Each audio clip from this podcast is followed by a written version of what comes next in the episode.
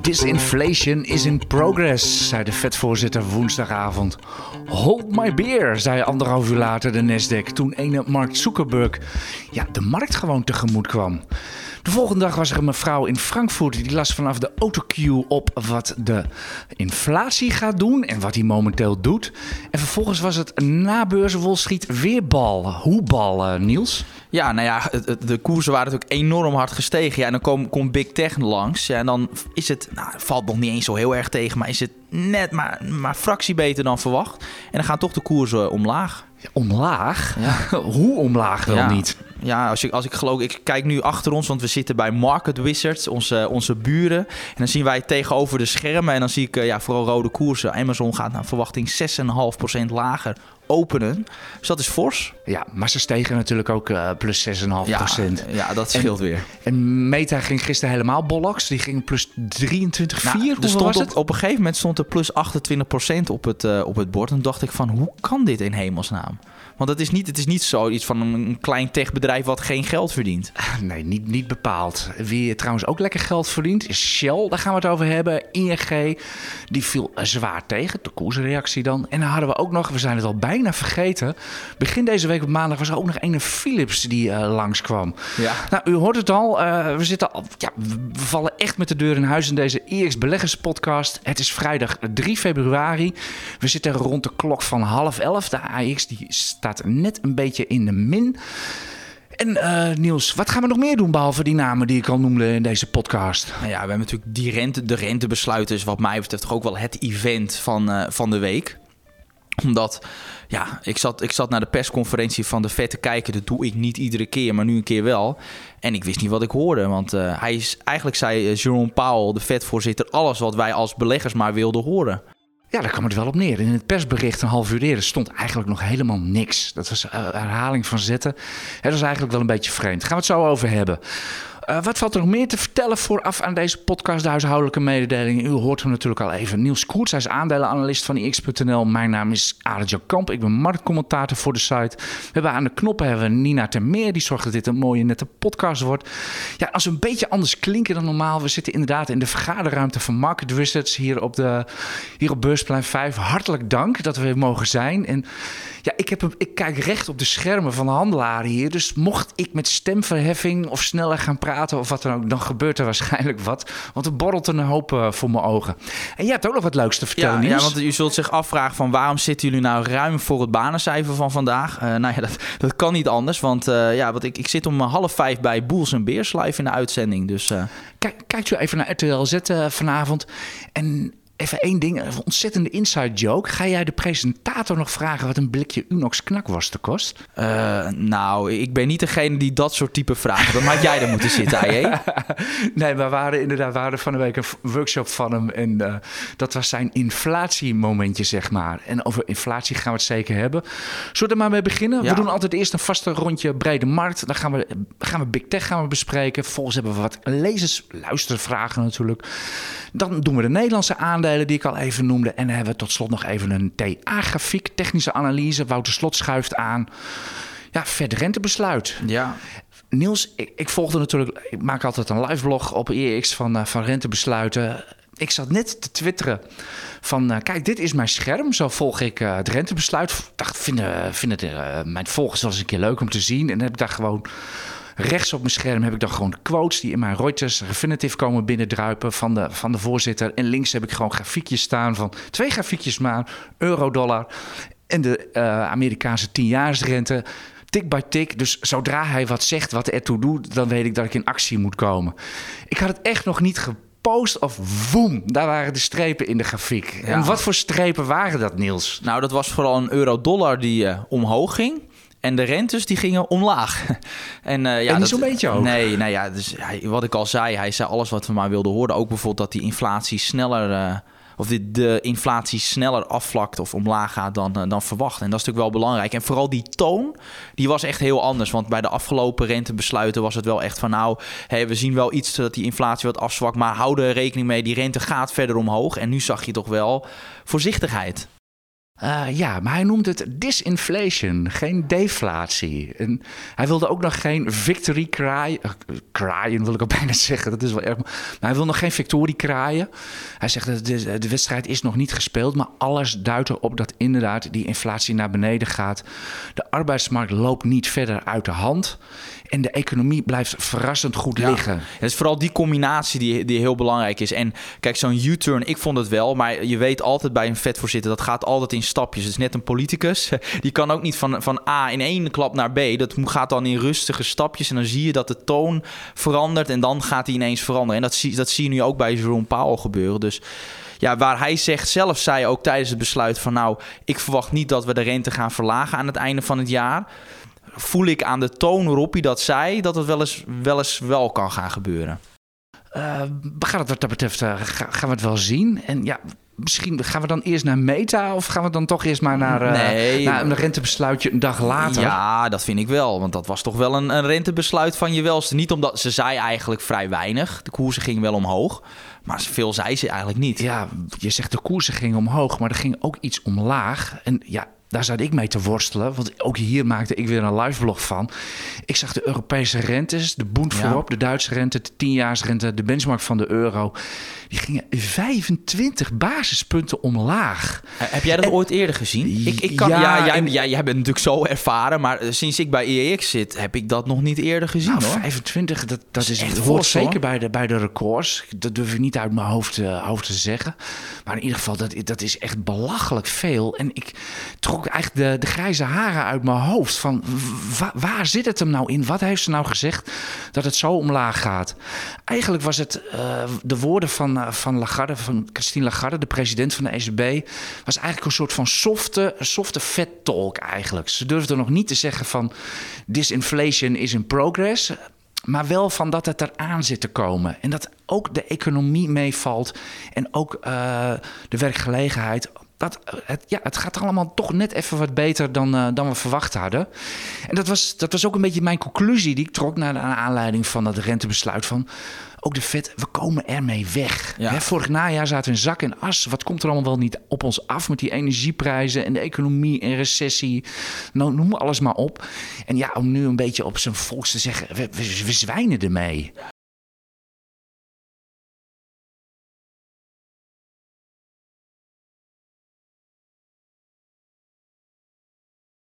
Nou, nou, nou ja, goed, daar ga jij het zo meteen op hebben. Want er was op Twitter nogal wat reuring uh, over, eh, over de president, over haar presentatie. Daar ga jij wat over zeggen. Ik moet eerlijk zeggen, ik heb daar niet zoveel van meegekregen. Want ik zat naar die domme rentes te kijken. Wat, wat ik denk, die, die rentes. Lagarde heeft gezegd van in maart gaan we weer twee kwartjes verhogen. En daarna komt er nog één. Ik denk dat de markt ervan uitgaat, inprijst, hoopt, bidt dat dat laatste kwartje er niet gaat komen. En dat, dat, dat die rentebeweging uh, ja, verklaart in feite. Ja, want dat is ook wel het interessante. Dat is een kwartje ook echt. Want we hebben dus... beide naar dat ECB-rentebesluit. En jij bent echt degene die het echt moet bijhouden. De, alle, alle koersen moet, uh, moet verslaan. En ik zit daar met een hele andere blik. Om dat verhaal nog even af te maken, wat je, wat je zei. Hè, van, wat, uh, wat heeft ze nou eigenlijk gezegd? Ik bedoel, bij Jerome Powell, ja, de, eindeloze reeks quotes die je in je stukje dan kan zetten. Ik probeer me altijd te beperken. Ik had er een stuk of tien. Nou, bij Lagarde, ik moest echt schrapen. Ik heb er geloof ik vijf. En dat was eigenlijk ook wel het hele verhaal. En verder was het heel veel lucht eromheen. En zo zo'n Jerome Powell ook. Ik noemde het al even mijn, mijn databak. Ja, dat, dat, is iedere zin die die zegt, die verschijnt daar. En, en bij de ECB, dat waren er ja, maar of zo. Ik denk dat het ook komt omdat ze, ik heb soms het gevoel dat ze het zelf ook allemaal niet helemaal snapt. Want als je haar ziet presenteren, ik denk dat veel luisteraars die persconferentie niet volgen. Maar dat is echt vrij bijzonder om te zien dat je iemand zie je echt gewoon strak in die autocue kijken. En, en als ze dan vragen krijgt, want dat is na zo'n persconferentie, wat mij toen opviel, en dat vind ik echt schrijnend, dat als je een vraag krijgt die ze dan niet, dan voel je gewoon, ze weet het niet. En dan gaat ze soms gewoon de tekst die ze heeft voorgelezen, gaat ze gewoon een deel gewoon van het statement gewoon weer opnieuw voorlezen. En, en, en ik vond dat vrij opmerkelijk. Ik denk, ja, het zal wel aan mij liggen. En toen zat ik op Twitter inderdaad te kijken. Nou, toen zag ik de Twitter-tijdlijn van Edin Mujagic. Die volg ik. Nou, dat is een, een hele bekende econoom hier in Nederland. En die zei letterlijk... een fan van Lagarde ook? Nee, dat, dat viel mij ook wel op. Want hij noemde het de slechtste persconferentie ooit. en, en ik vond, dat vond ik echt wel een hele leuke tweet dat hij, dat hij zei van... Uh, ja, ze zegt, het is eigenlijk gewoon is een leerling die niets begrijpt van de stof... maar het gewoon opdreunt. Want ja, vanuit het hoofd geleerd. eh, want ja, het moet eh, voor een examen onthouden worden. En eh, en dat, is, dat is misschien ook een beetje hoe ik bijvoorbeeld... Hoe ik, ik heb één keer ooit de podcast gemonteerd. En toen heb ik ook zo'n hele uitleg van Koen gehad. Stap voor stap wat je, wat je moet doen om te monteren. Ja, Koen, dat is Koen Grutters, Ja. onze intussen vertrokken collega Ja. die eerste podcast Ja, en maakte. dus, dus toen, nou, ik volg alles, hè, doe, ik- voer ik netjes uit, maar je hebt geen idee wat je aan het doen bent. Dus je doet het omdat het er staat. Nou, dat gevoel wat ik toen had, ik denk dat zij dat toen ook had, dat ze dat pers, die persconferentie deed. Ja, misschien kun je nog even in, in het stukje wat we straks maken van deze podcast... nog even een link geven naar die podcast. Dan kunnen de, kunnen de luisteraars, wie daar zin in heeft... nou het is wel zo. De commentaar dat ik kreeg was dat het wel goed gemonteerd was. Alleen toen was het was ook één take. Ik zei ook één take. Ik moet niet gaan knippen, niks niet. Nee, maar dat is heel vervelend. Dus, dus daarom vind ik ook, er moet gewoon echt een vak, iemand die echt het vak begrijpt. Een Paul bijvoorbeeld in het verleden. In, bij de ECB hebben we een, een, een Draghi gehad, die snapte alles. En Ja, die wist, die wist honderd keer meer dan Ja. iedereen die maar luisterde. Daarom, dus, dus nee, maar dat, dus dat, ja, dat is het voordeel als je analist bent. Dus dat je vooral aandelen volgt. Dan kun je zo'n persconferentie met een hele andere blik ernaar kijken dan wat, eh, dan wat jij doet. Dus dat is wel, wel aardig. Ja, nou, ja, we weten natuurlijk allemaal, Lagarde is natuurlijk een politica. En ja, die, eh, ja, die, eh, je kunt hem, wat je natuurlijk wel kunt afvragen, is ze zit nu drie jaar geloof ik op die stoel. Ja, dan mag je het intussen wel een beetje begrijpen. Nee, Maar eh, goed. dat- dat ja, maar ook nog op, viel- dat viel me nog wel op. Er staat een enorme sjaal om.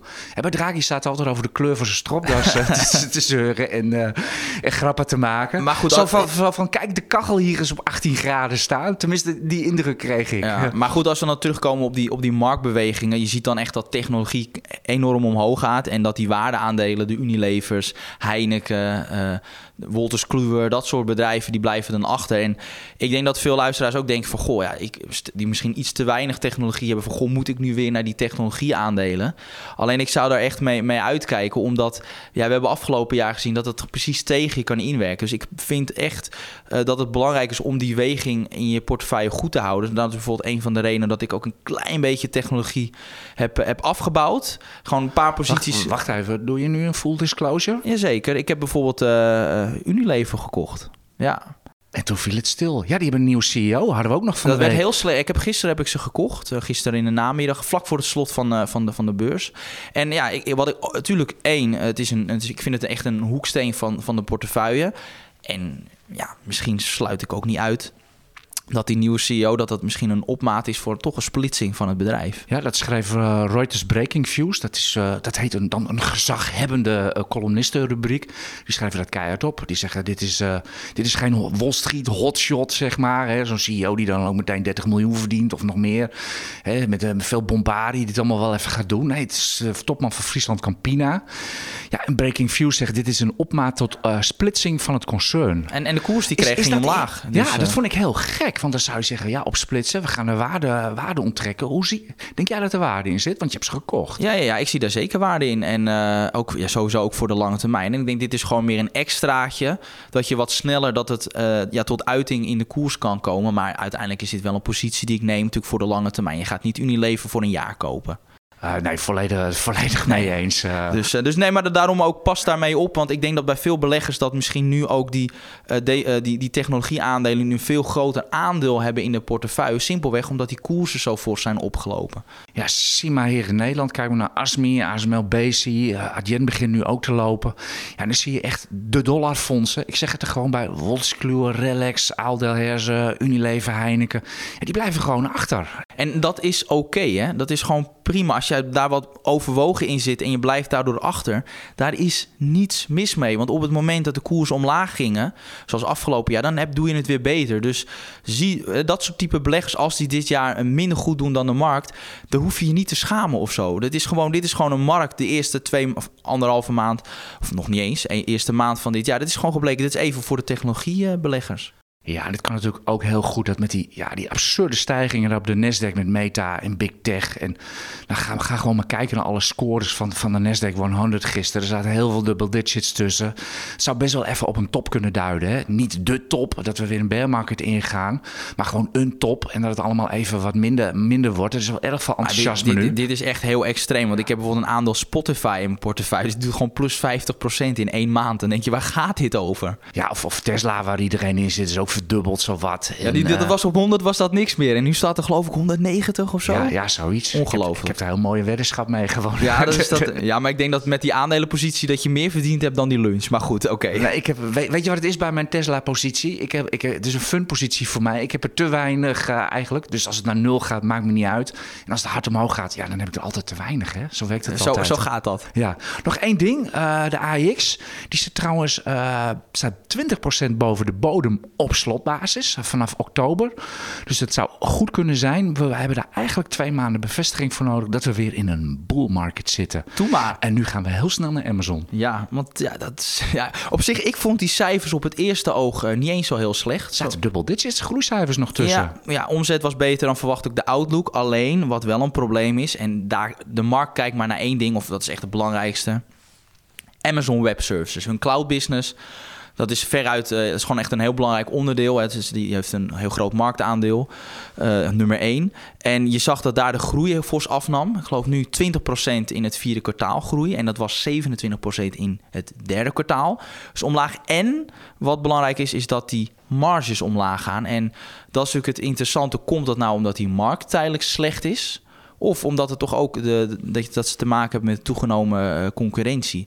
En ik had ook onze analist Paul Weteling gesproken. Die zei van het is nog te kort om daar iets over te zeggen. Maar dat is wel iets ja, waar je op, eh, op moet letten. Ja, je kan natuurlijk ook niet eeuwig met double digits blijven groeien. Hè. Er walkeert gewoon een keer het schip. Misschien is dat dit moment. En eh, ja, dat is, dat is, wat dat betreft is het nog koffiedik kijken. Maar dat neemt niet weg dat de Amazon natuurlijk nog altijd wel, een eh, altijd wel leuke cijfers heeft. eh. Ja, het is wel zo. En dat is wel iets. Ik vind die vrije kast dan wel erg zwak. Ik zit daar zelf in voor eh, ongeveer 3% van mijn beleggingsportefeuille. Maar dat is ik, fors. Ja. nou, ik vind 3% dat is gewoon als je in de wereldindex zit. Ja, heb je maar als ik zie hoeveel aandelen jij hebt, vind ik dat... nou ja, goed. nou, maar ik vind dat wel een andere discussie. Ja, maar in de wereldindex zitten ook duizenden aandelen. En dat doet Amazon geloof ik ook 3%. Dus ja. Nee, zoveel niet. Dat is nou, Apple. Ja, is dat nou zal twee zijn. maar Moeten we opzoeken. maar dat moeten we opzoeken. Maar in ieder geval, eh, dus, dus dat is wel iets waar ik op let. Eh, alleen, ehm, ja, dus, dus dat vind ik echt een belangrijk minpunt. Maar al, al met al eh, vind ik het wel een mooi bedrijf. Oké, ja, misschien wel het meest in de spotlight stond misschien gisteren wel Alphabet met de cijfers. Want als er één naam de afgelopen maand viel, eh dan was het natuurlijk Alphabet. En dan die andere naam, en ik ga even wat cijfers opnoemen. Eh Alphabet maakte over afgelopen jaar 75 miljard omzet eh, bekend, ongeveer, even ruwweg. 60 miljard komt gewoon uit Google. 8 miljard komt uit YouTube. En 7 miljard komt uit cloud. En verder Other Bets, of hoe heet dat ook weer? Other Things, hoe heet dat? Nou, ja, Ja, eh, Other Bets, dus een ja, beetje een paar, het, eh, honderd, paar honderd miljoen. Dat zijn de hobbyprojecten van de, van de, van de board, hè? Ja, en die ze niet eens privé doen, maar gewoon eh, bij, eh, bij Alphabet op de balans zetten. Maar in ieder geval, Alphabet is gewoon na 25 jaar, want zo lang bestaat het bedrijf al, nog steeds een one-trick pony. En toen kwam daar ene ChatGPT om de hoek kijken en die maakte ook het cijfers bekend. Die hebben er in januari 100 miljoen gebruikers bij gekregen. Ja, ik ben daar één van. Ik dacht, ik ga toch eventjes een accountje aanmaken. Want wie weet kan dat ChatGPT misschien wel aandelenanalyses voor mij maken. En dat zat er helaas niet in. En nu heb je, zit jij dus met Unilever. Nee, nee, nee. nee maar ik dacht, ik dacht, ik ga toch, ik dacht, ik ga toch even kijken van wat, zo, van wat zo'n ding, hè, op wat zo'n apparaat kan. Of die echt een aandelenanalyse. Zo, zo opportunistisch ben ik dan wel weer. Nee, maar ik moet het toch nog echt zelf doen. Want eh, nee, daar kwam vrij weinig uit. Ja, kun je even heel snel Nou, een s- voorbeeldje dat- van? die data hebben ze niet. Omdat natuurlijk veel met de data natuurlijk uit die eh gebruikte ook Bloomberg. En dat zit achter het betaalmuur. Dus dat, ze- alle data ontbrak. Dus ik denk als ik, als ik zoiets wat uit eh, ChatGPT zou rollen, zou ik daar, zou ik dat, eh, zou ik daar echt letterlijk die analyse overnemen op de website. Dan zou ik binnen een week worden ontslagen. En niet zozeer omdat ze erachter komen, omdat het kwalitatief gewoon heel slecht is. Ja, ja Dus- maar je geeft natuurlijk wel al meteen de fantasie aan. En dat heeft natuurlijk Satya Nadella van Microsoft, de CEO, natuurlijk ook bedacht toen hij eh, daarvoor 10 miljard ingeeft.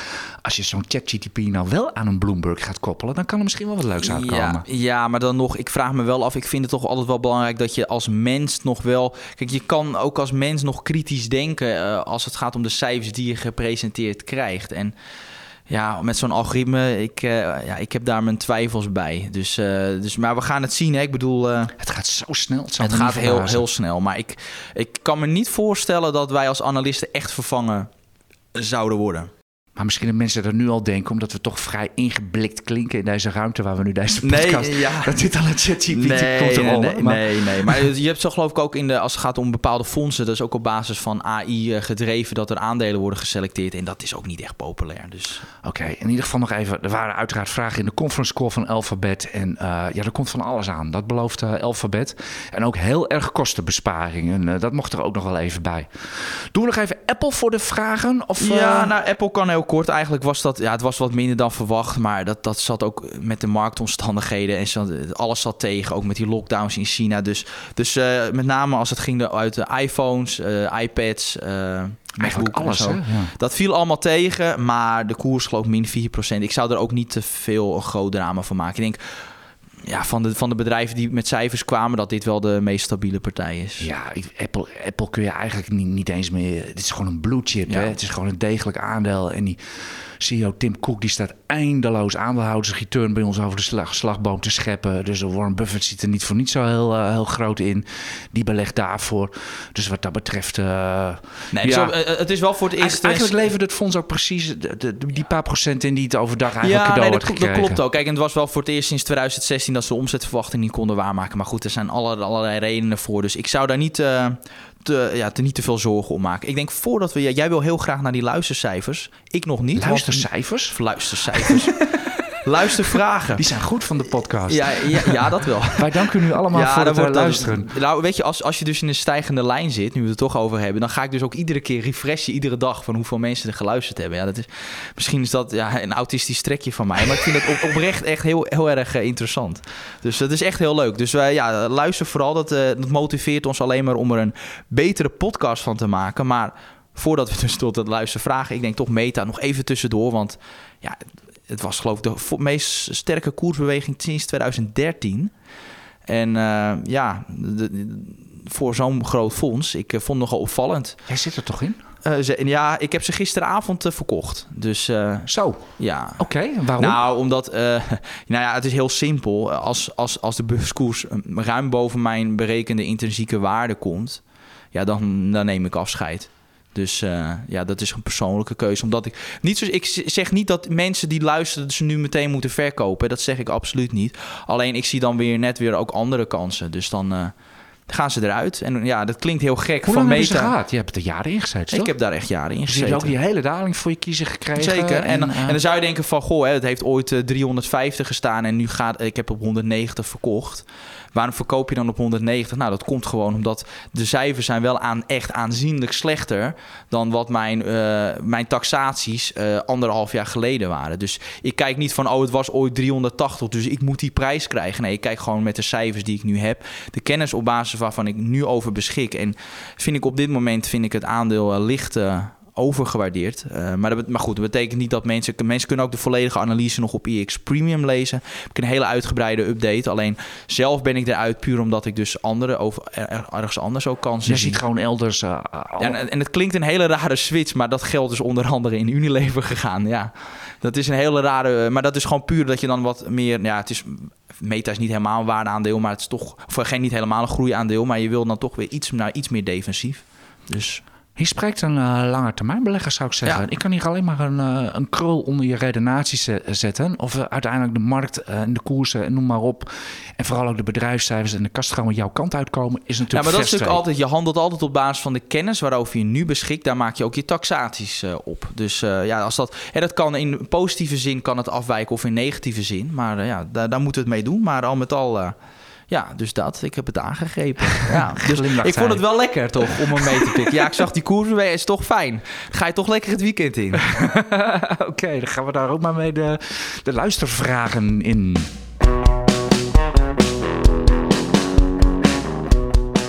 Ja, we trappen af met een vraag van... je kunt niet altijd zes gooien. Dat is iemand een alias. Uh, hoe kijken jullie naar de beurs? Want hebben jullie geen hoogtevrees onderhand? Want hij zegt zelf, ja, ik heb inmiddels nu 10% van mijn portefeuille uh, gekocht. Hoe kijk jij daar tegenaan? Iemand die uh, zo... Ja, ik kijk, naar, ik kijk naar de waarderingen. Ik kijk naar de winsten, de, de kaststroom, et cetera. Kijk even ook in mijn volbeursrubriek vandaag op, uh, op EEX. Daar heb ik de waardering van de Nasdaq en, en, de, en de AEX staan. Ja, ik vind de markt momenteel een beetje priced for perfection. Ja, maar het is ook wel zo. Kijk, op het moment dus dat die winstverwachting eh, wat omhoog loopt, omdat die recessie milder is dan verwacht. En in dat in combinatie met lagere rentes rechtvaardigt wel weer een hogere waardering. Ja, maar bij de AX heb je het probleem van, ik noemde het al even, de dollarwaarde. Ja. De dollar is vanaf uh, oktober, toen ook de bodem, was, uh, de bodem was in de AX, is die dollar gaan dalen. En sindsdien dalen ook de winst- en omzetverwachtingen van de AX. Ik noemde de naam al op en dat is toch wel het grote gewicht van de, van de AX. AX is zeer dollargevoelig en die loopt gewoon op dit moment tegen de winsten in. Wat ik, wat dat, ik wel wil dat mee... gaan we ook in, die, die, in de Q1-cijfers straks uh, zien van Unilever. Lopen ze allemaal te, te, mep, te miepen over de dollar. Hoor. Nou, dat dollar dat gaat komen denk ik bij de publicatie van de halfjaarscijfers. Dat denk ik. Dan, uh, ik heb een beetje gekeken in die euro-dollar grafiek. Dan, dan komen die bedrijven. Maar wat ik nog wel even wil zeggen van uh, de markt timen. Ik zou er toch mee opletten omdat te vaak gebeurt dat dat uh, misgaat. maar nu een vraag ja, van... markttimen is, is ook geen belegger, dat is gokken. Ja, ik, ik vind nu al een leuke vraag van, uh, van Bart. En die zegt, ja, ik heb uh, twee dochters van 12 en 13... en ik koop voor ze ieder kwartaal uh, de MSCI All World ETF. Nu wil ik ze meer bekendmaken met beleggen... en op een speelse manier door het kopen van individuele aandelen. Niet zozeer voor het rendement, maar om te leren. Ik wil ze niet belasten met allerlei moeilijke termen. Hè? discount cashflow model staat erbij. PE en zo. Maar hoe, hoe, hoe, hij vraagt eigenlijk naar een tip van hoe, hoe hij het aan interessant kan maken voor zijn dochters? Uh, bijvoorbeeld gaan ze, uh, denk je eet wel eens bij McDonald's of wat dan ook, of voor mij bij de Subway of wat dan ook. Hè, dan kun je gewoon uitleggen hoe zo'n bedrijf werkt. Dan kun je het aan de hand daarvan, zo'n hamburger, wat er aan marges op zit en uh, hoeveel er naar jou toe gaat. Of met je iPhone, je Apple-spullen. Hè, hoe duurder die Apple-producten, hoe meer jij blauw ligt en hoe meer Warren Buffett en aandeelhouders staan te juichen. En kijk, wat dat betreft gaat het zo ook over hebben, over Shell. Ja, iedereen roept tien jaar lang duurzaam, duurzaam, duurzaam. We mogen niet meer in fossiel investeren. En ja, de val keert ook hier het schip. Dat ja, hebben ik, we gezien. Ik, ik weet week. niet of hij zijn dochters van 12 en 13 zo dat hij ze zeggen dat hij denkt Shell dat ze denken nou laten we dat eens doen. ik zou dan eerder kiezen van inderdaad voor, voor aandelen die zij ook heel interessant vinden. Bijvoorbeeld er zijn een aantal modemerken die een LVMH misschien. LVMH is het mooiste voorbeeld. Ik denk als je dat soort aandelen voor je, voor je voor je dochters koopt, dat ze dat dan ook veel interessanter vinden om dat te volgen. En op het moment dat je een paar aandelen hebt en je gaat daardoor automatisch het nieuws volgen, dan kan je ook iets dieper op de, op de inhoud uh, gaan. Dus ik zou zeggen, koop vooral aandelen die zij gewoon heel leuk vinden. En hoeft het nog niet eens, hoeven dat de beste aandelen te zijn. Maar het gaat er meer om dat ze op die manier uh, gewoon uh, interesse voor op die manier krijgen. Ja, zeker, zeker met merken die, die iedereen kent natuurlijk kun je dat verhaal wel uitleggen. Ik heb overigens geen kinderen, dus ik, dat, ik doe dit echt uit het blote hoofd en ja. zonder enige pedagogische achtergrond. Nu nou, dan, volgende dan, vraag. Ja, de volgende, dat is... oh, ik ben de, naam vergeten op te schrijven die dat heeft gesteld, die vraag. Maar hij vraagt, AJ, heb je misschien een ambitie om een eigen fonds te starten? Een eigen beleggingsfonds? Dan heb ik een tegenvraag. Zou u daarin willen beleggen? Ik zou dat wel willen doen. Ik, wil, ik zou best wel een uh, wereldindextrekker uh, belegd uh, willen, willen beginnen. Als er een trekkerboer is die met mij in zee wil gaan, hoor ik dat heel graag. Ja, ik, ben het... ik ben de eerste die mijn geld erin ja, steekt. maar mensen willen natuurlijk wel dan individuele aandelen. Die willen outperformance. Bijvoorbeeld het oh. Het Kamp Value Fund. Is dat niet iets voor jou? nou, ik, ik, ik heb nooit een gelukkige hand in stokpikken gehad. Ik beleg ik, maar, ik heb vroeger... Als u mij wil volgen, koop gewoon, koop gewoon iedere maand de wereldindex. Ik, ik heb vroeger wel die ambitie gehad. Alleen ik vind wel, um, wat je wel ziet, een trend dat steeds meer mensen zelf willen beleggen. Dus dat zie je ook daardoor vermogensbeheer. Dat dat gewoon in populariteit minder populair, gewoon minder populair wordt. En ik vind het ook veel leuker om mensen te helpen met het maken van belegging. Nou, door juist informatie uh, te geven op een leuke manier. En ik denk dat, dat dit ook meer, beter bij ons past dan gewoon een fonds uh, beheren. Uh, ik, ik, ik, denk het ook wel, ben ik het wel mee eens. Het is ook altijd eigenlijk een beetje mijn standaard advies tegenwoordig. Begin eens met maandelijks beleggen in de, in de wereldindex. Dan ben je goed onderweg. En wat je daarnaast je nog hangt er helemaal vanaf hoeveel geld je hebt natuurlijk. Maar als je geld over hebt, ga daar dan leuke dingen mee doen. En ga daar dan gegarandeerd leergeld ook mee betalen. En dan merk je vanzelf wel of je dat ligt of niet. Oké, helder. Ja, nu moeten we toch maar echt naar de Nederlandse bedrijven. Want uh, ja, meestal beginnen we altijd met... Zeker als Shell en ING langskomen, daar gaan we mee starten. Maar en Philips. Oh ja, die ook. Ja, maar die is niet erg om af en toe op het einde te doen. Ja, zullen we die maar helemaal op het einde doen? Ja, doe maar. Is, verdienen of, ja, dan gaan we wel een beetje met een nachtkaas deze podcast uit. Uh, nou ja, en, dan, dan mag Wouter straks met een grafiek de meubelen redden. Zullen we anders eens Philips doen? Philips, oké. Okay. Ja, doen we het gewoon chronologisch. We doen Philips, ING en uh, Shell. Ja, ja je, je, kijkt natuurlijk naar mij, want ik heb naar die cijfers gekeken. Ja, het, is, het moet toegeven, de, de vierde kwartaalcijfers waren wel echt beter dan verwacht. Alleen vind ik wel dat je moet opletten dat één zwaluw nog geen zomer maakt. Ze hadden wat uh, voordeel van dat die problemen die toeleveringsketen werden wat minder.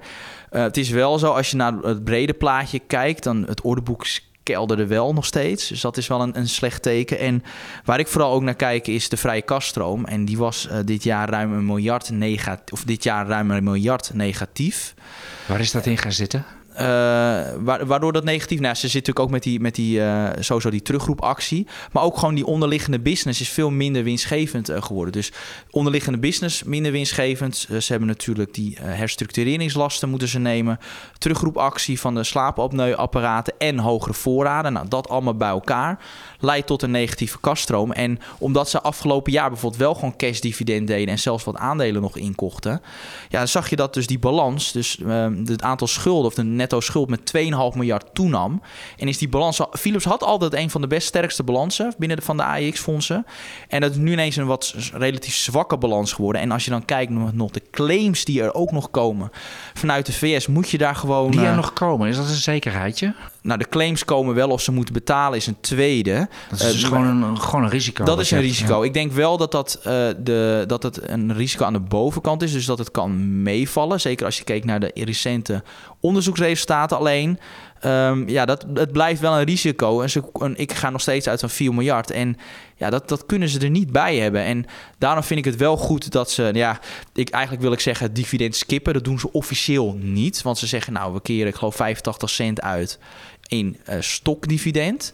Alleen... Ja, maar je hebt stokdividend en stokdividend. Ja, je hebt namelijk stokdividend, hè, dat, ja, dat, dat u in plaats van dividend aandelen krijgt, maar die koopt het bedrijf dan ook meteen weer terug, zodat er geen verwatering is. Maar dat gaat bij Philips niet gebeuren. Nee, dat klopt. Dus dan krijg je ongeveer, verwatering. Nee, dan krijg je dus officieel 5% dividendrendement, maar omdat dan het aantal uitstaande aandelen ook met 5% stijgt, heb je er niks aan. Dus in principe doen ze dat dus en dan zou je denken, ja, maar waarom skippen ze het dan niet helemaal?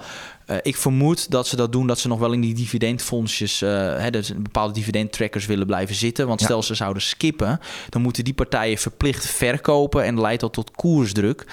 En dat is wel het laatste wat ze bij Philips willen. Dus, uh, dus dat. Dus ja, voor de korte termijn was het goed. Alleen voor de lange termijn zou ik er echt wel mee, mee uitkijken. Ja, er valt mij op dat je één cijfer niet noemt, en daar viel ik zelf heel erg over, is namelijk dat de margeverwachtingen zo ongeveer gehalveerd zijn. Met andere woorden, tegen dezelfde waardering. Hè, u denkt natuurlijk allemaal weer aan die koers die, die uh, wat is het, intussen bijna twee jaar geleden op 50 stond. Ja, met dezelfde fundamentele cijfers kom je dan op een koers van nou misschien net 25 uit. Uh, ja, dus maar mo nou, moet ik zo redeneren? Nou, ik of, kan niet zeggen meteen 25, want denken mensen, oh, dat ligt hier nog ruim onder. Want er zit natuurlijk nog wel wat. Je hebt natuurlijk de, de claims, maar ook de balans die veel slechter is. Dus dat gaat niet helemaal zo op, maar het is wel zo, die 50 ja, die stond er op het bord om, op veel hele andere taxaties dan dat er nu zijn. Dus die business het is gewoon echt aanzienlijk slechter verlopen dan uh, verwacht. Dus ik had het echt inderdaad goed dat je het zegt, want ik had in mijn analyse ook staan. Want ik had het zelf even uitgezocht, want ze hadden de Outlook eerst even geskipt. Dus keek ik van, nou, nu kwam er een nieuwe Outlook voor 2025. En als je dan dat vergelijkt met wat ze een jaar, anderhalf jaar geleden, echt een, een, een halvering. En dat is echt fors. Dus het is dus niet alleen maar die slaapapneu-affaire die ertoe heeft geleid dat die koers daalt. Want dat denken sommige mensen van nou, als dan dat dan is opgelost, ah, dan kan die koers weer richting de 50 euro. Maar dat werkt dus niet zo. Nee, daar zou ik ook maar mee uitkijken. Ja, en als u zich nu afvraagt, ja, wat moet ik dan met mijn aandelen? Daar is altijd een hele, daar is altijd een hele simpele voor van... stel u hebt ze niet, zou u ze op deze koers willen hebben? En dan moet u wel even weten dat u de volgende jaren geen dividend en aandelen... Er komt gewoon geen aandelenreturn, toch Niels? De komende jaar hoef niet op te rekenen, toch? Nou, aandelenreturn, een hogere koers kan altijd natuurlijk. Maar als je het hebt over dividend... Dat bedoel ik. De komende twee jaar, en ik, ik, dat, dat stokdividend zie ik gewoon als het skippen van een dividend... zie ik de komende twee jaar geen, geen serieuze dividenduitkering. Zeker niet. Ja, dan moet je gewoon bedenken van wil ik ze nu hebben of deze koers... of zie ik elders andere kansen met een uh, aandeel met een uh, vergelijkbaar... of misschien zelfs nog wel beter risicoprofiel. Verder uh, denk ik dat je... Maar, ja, uw analyse gewoon bij ons op ES ja. Premium. Ja, ik was er, ik was er ja, in de ochtend weer bij. Ja, het is altijd, Philips is echt heel veel werk. Dat kost me dan vijf uur ben je daarmee bezig. En dan thuis zonder ook maar enige afleiding. Dus het is echt hard werken, maar wel heel leuk om te doen. Ja, leuk tussen aanhalingstekens. Nee, gewoon, ik vind het interessant bij dit soort bedrijven hoe dat, hoe dat gaat. Ja, dan, ja, dus ja. Ja, nou, ik denk Daar dat leef bij, ik voor. Bij Philips zelf zitten er heel veel mensen met samengeknepen billen nu. Wanneer hun nummer valt, uh, vrees ik. We wensen heel veel, heel veel sterkte. Want het was 6000 ontslagen. Ja, dan hadden we van de week hadden we ook nog eigenlijk ja, twee storingen. ING, het woord grapje natuurlijk. Dit lag er uh, lag een paar uur uit. Ja, en toen kwamen die cijfers en die waren helemaal niet zo slecht. Mij viel vooral op dat ze weinig voorzieningen hoefden te nemen. En dat is opvallend, want ING, als we het even heel kort door de bocht nemen... ING is vooral exposure naar bedrijfsleningen. ABN AMRO vooral naar de hypotheekmarkt. Recessie, dat soort toestanden. Ja, dan vrees je toch voor die post. En die viel vorig jaar ook wel hoog uit. Maar het laatste kwartaal viel dat reuze mee. Ja, en toen, toen was er die beursopening van min 7. En toen wist ik het ook even niet meer. Nee, Nee, je was niet de enige, want ik zat RTL Z te kijken en die dacht, hoe kan dit? En dan was inderdaad Martin, die dat had heel scherp opge... Onze ja, gelukkig hebben we Martin Krum nog Ja, bij die, die ziet dat soort dingen. Want inderdaad, eh, ze, de- ze hadden nog niks gezegd over een eh, aandelen-inkoopprogramma. En daar ging de markt wel van uit. Het is wel zo, als ik echt keek naar het statements eh, van ING... je leest wel tussen neus en lippen door dat, dat dat in de loop van het jaar dat het er wel aankomt. Dus, eh, maar dat is eh, wat, hoe ik het lees. Ja, en of dat ook echt een koop oplevert, eh, daarvoor moet u de analyse van, eh, van Martin Krum eh, maar gaan lezen bij ons op de site. Maar al met al gewoon prima cijfers. En ja, weet je dat het dan omlaag gaat. Het is ook al behoorlijk opgelopen. Dus dan zit, ja, weet je, zo'n correctie op dag- dagbasis. Je kan beter hebben dat de koers daalt omdat ze even geen aandelen inkopen. dan dat, dat de koers omlaag gaat door slechte cijfers. Ja, of dat er een enorme stroppenpot was. eh. Ja, dan was het nog ja, niet zo feest als bij, bij Chevron en, en Exxon. Want het sloeg echt alles. En tot en met het Witte Huis zijn ze daar boos over. Maar natuurlijk, dikke krantenkoppen vandaag ook eh, in de Telegraaf. De cijfers van Shell. Ja, die waren uitmuntend. Een kaststroom in Q4 van 15,5 miljard om je vingers bij af te likken. We weten natuurlijk allemaal hoe het komt. Eh, ja, ik, ik heb aandelen Shell, dus ja, het komt allemaal lekker mijn kant uit. En ik kan het wel gebruiken met die, met die energierekeningen. Eh, ja, ik heb een bias, dus zeg jij het maar Niels, eh, die, die Nou, cijfers van Shell. Ja, je kan ook zeggen van ik heb ook een bias, want ik beleg er niet in. Hè, meer uit eh, persoonlijke overwegingen. Maar ik vind het wel een heel goed aandeel. dus dat is wel zo. Alleen ja, wat, ik, wat, ik, wat ik ook wel kan waarderen. Kijk, sowieso die cijfers. Ik bedoel, daar kunnen we kort over zijn. Dat was gewoon heel goed. En we weten allemaal door het Ja, komt. maar eenmalig, hè? Ja, want daar- volgend ja. jaar, dat weet ik ook. Ik heb ooit, ik had een presentatie. Ik dacht dat het voor Saxo was of voor, nee, voor het beleggingsinstituut. En daar als je, had ik een taxatie voor de komende drie, vier jaar. En dan zie je wel dat die vrije kaststroom waarschijnlijk van Shell de komende vijf jaar gemiddeld met 30% toch wel omlaag gaat. Niet per jaar, maar in die periode. En dat komt gewoon omdat die energieprijzen omlaag gaan. Eh, maar dat is niet erg, want die waardering is ook gewoon laag. Maar wat ik wel interessant vind, is dat ze ook bij Shell het niet een probleem vinden om gewoon een wat moeilijke boodschap te verkondigen. En is dat ze gewoon heel duidelijk zeggen, heel echt, dat was echt duidelijk van nou, wij beleggen alleen maar in duurzame energie als dat ook gewoon een bovengemiddeld rendement oplevert.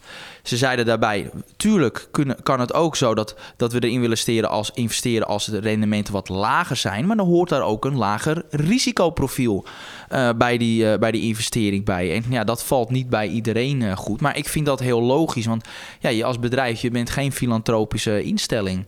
Dat is gewoon niet zo. Dus dan moet je toch ook echt gewoon kijken, ja, vanuit denken vanuit het belang van, van, van je eigenaren. En dat zijn de aandeelhouders.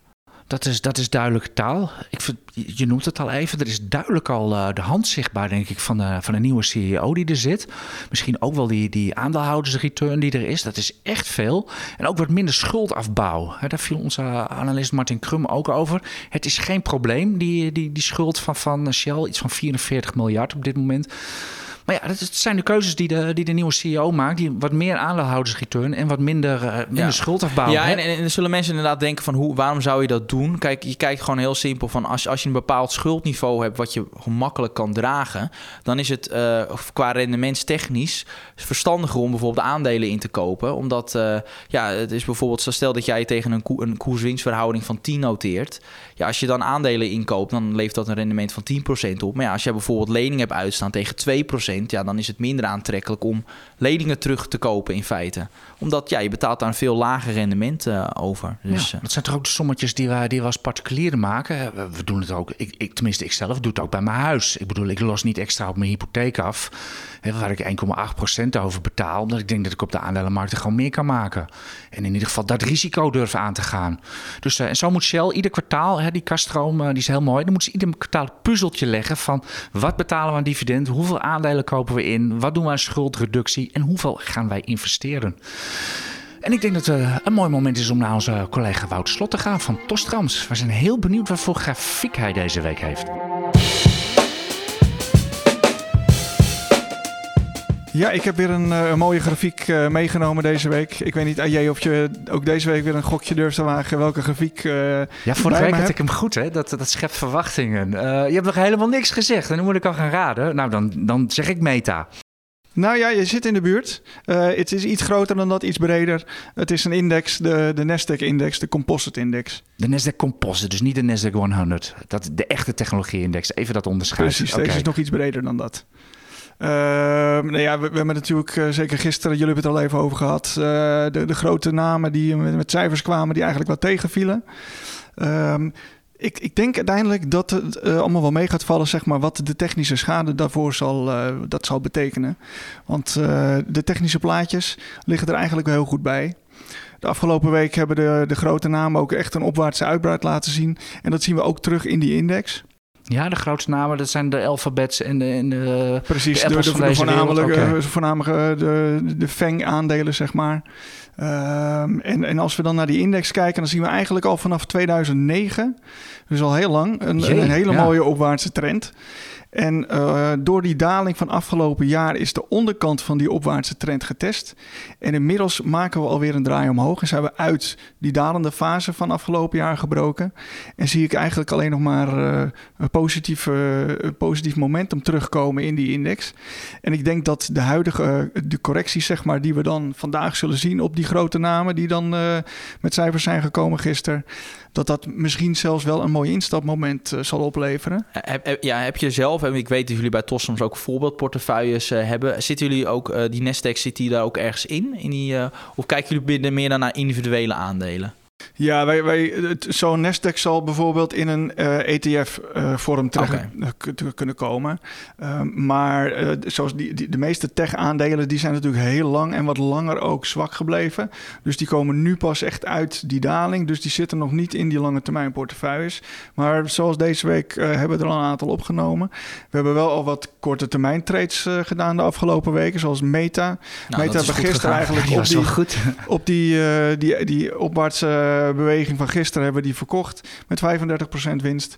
En zo uh, proberen we daar alvast wat uh, mee te pakken. Maar inmiddels zijn we ook voor de defensieve portefeuille al wat uh, stuk aan het oppakken. Oké, okay. heel interessant. Dus ik denk ook dat die huidige terugval die we nu zullen zien, omdat dat ze echt wel lager zullen openen, dat dat weer een nieuwe koopkans Oké, okay, heel en mooi, mooi slot eigenlijk. Dus van dat je in feite zegt, nou deze daling van vandaag, dat biedt eigenlijk alleen maar een koopkans voor die technologie aandelen. Eigenlijk is dit wel heel erg leuk. Dit is natuurlijk ook het verschil tussen technisch naar de markt kijken en fundamenteel. Hè? Aan het begin van deze podcast, Niels en ik, die van nou, doe maar een beetje voorzichtiger aan met die keihard gestegen tech-aandelen. Niels die ook boter bij de vis heeft gedaan door Meta te verkopen en Unilever te kopen. En Wouter, die, uh, die heeft, als het goed is, als technisch analist, heb jij geen krantenkoppen gelezen, heb je, geen, uh, heb jij niet de cijfers zelf bekeken, kijk je echt naar die grafieken en daar rolt dan een heel andere, ander idee, ander advies uit. We gaan zien wie er gelijk gaat krijgen, zoals dat zo mooi heet in de, in de markt. We zijn daarmee aan het einde gekomen van deze podcast, waarin we het voor het eerst, denk ik, sinds jaren niet over Tesla hebben gehad, uh, Niels. Klopt. Dat zit er iedere week op de een of andere manier links of rechtsom wel in. Dat geeft aan hoe goed het gaat. in ieder geval, we hopen dat u, uh, dat u wat hebt aan deze podcast. Volgende week zijn we er uiteraard weer met een hele bluts cijfers op het damrak. We wensen u heel veel succes op de beurs. Prettig weekend en tot volgende week.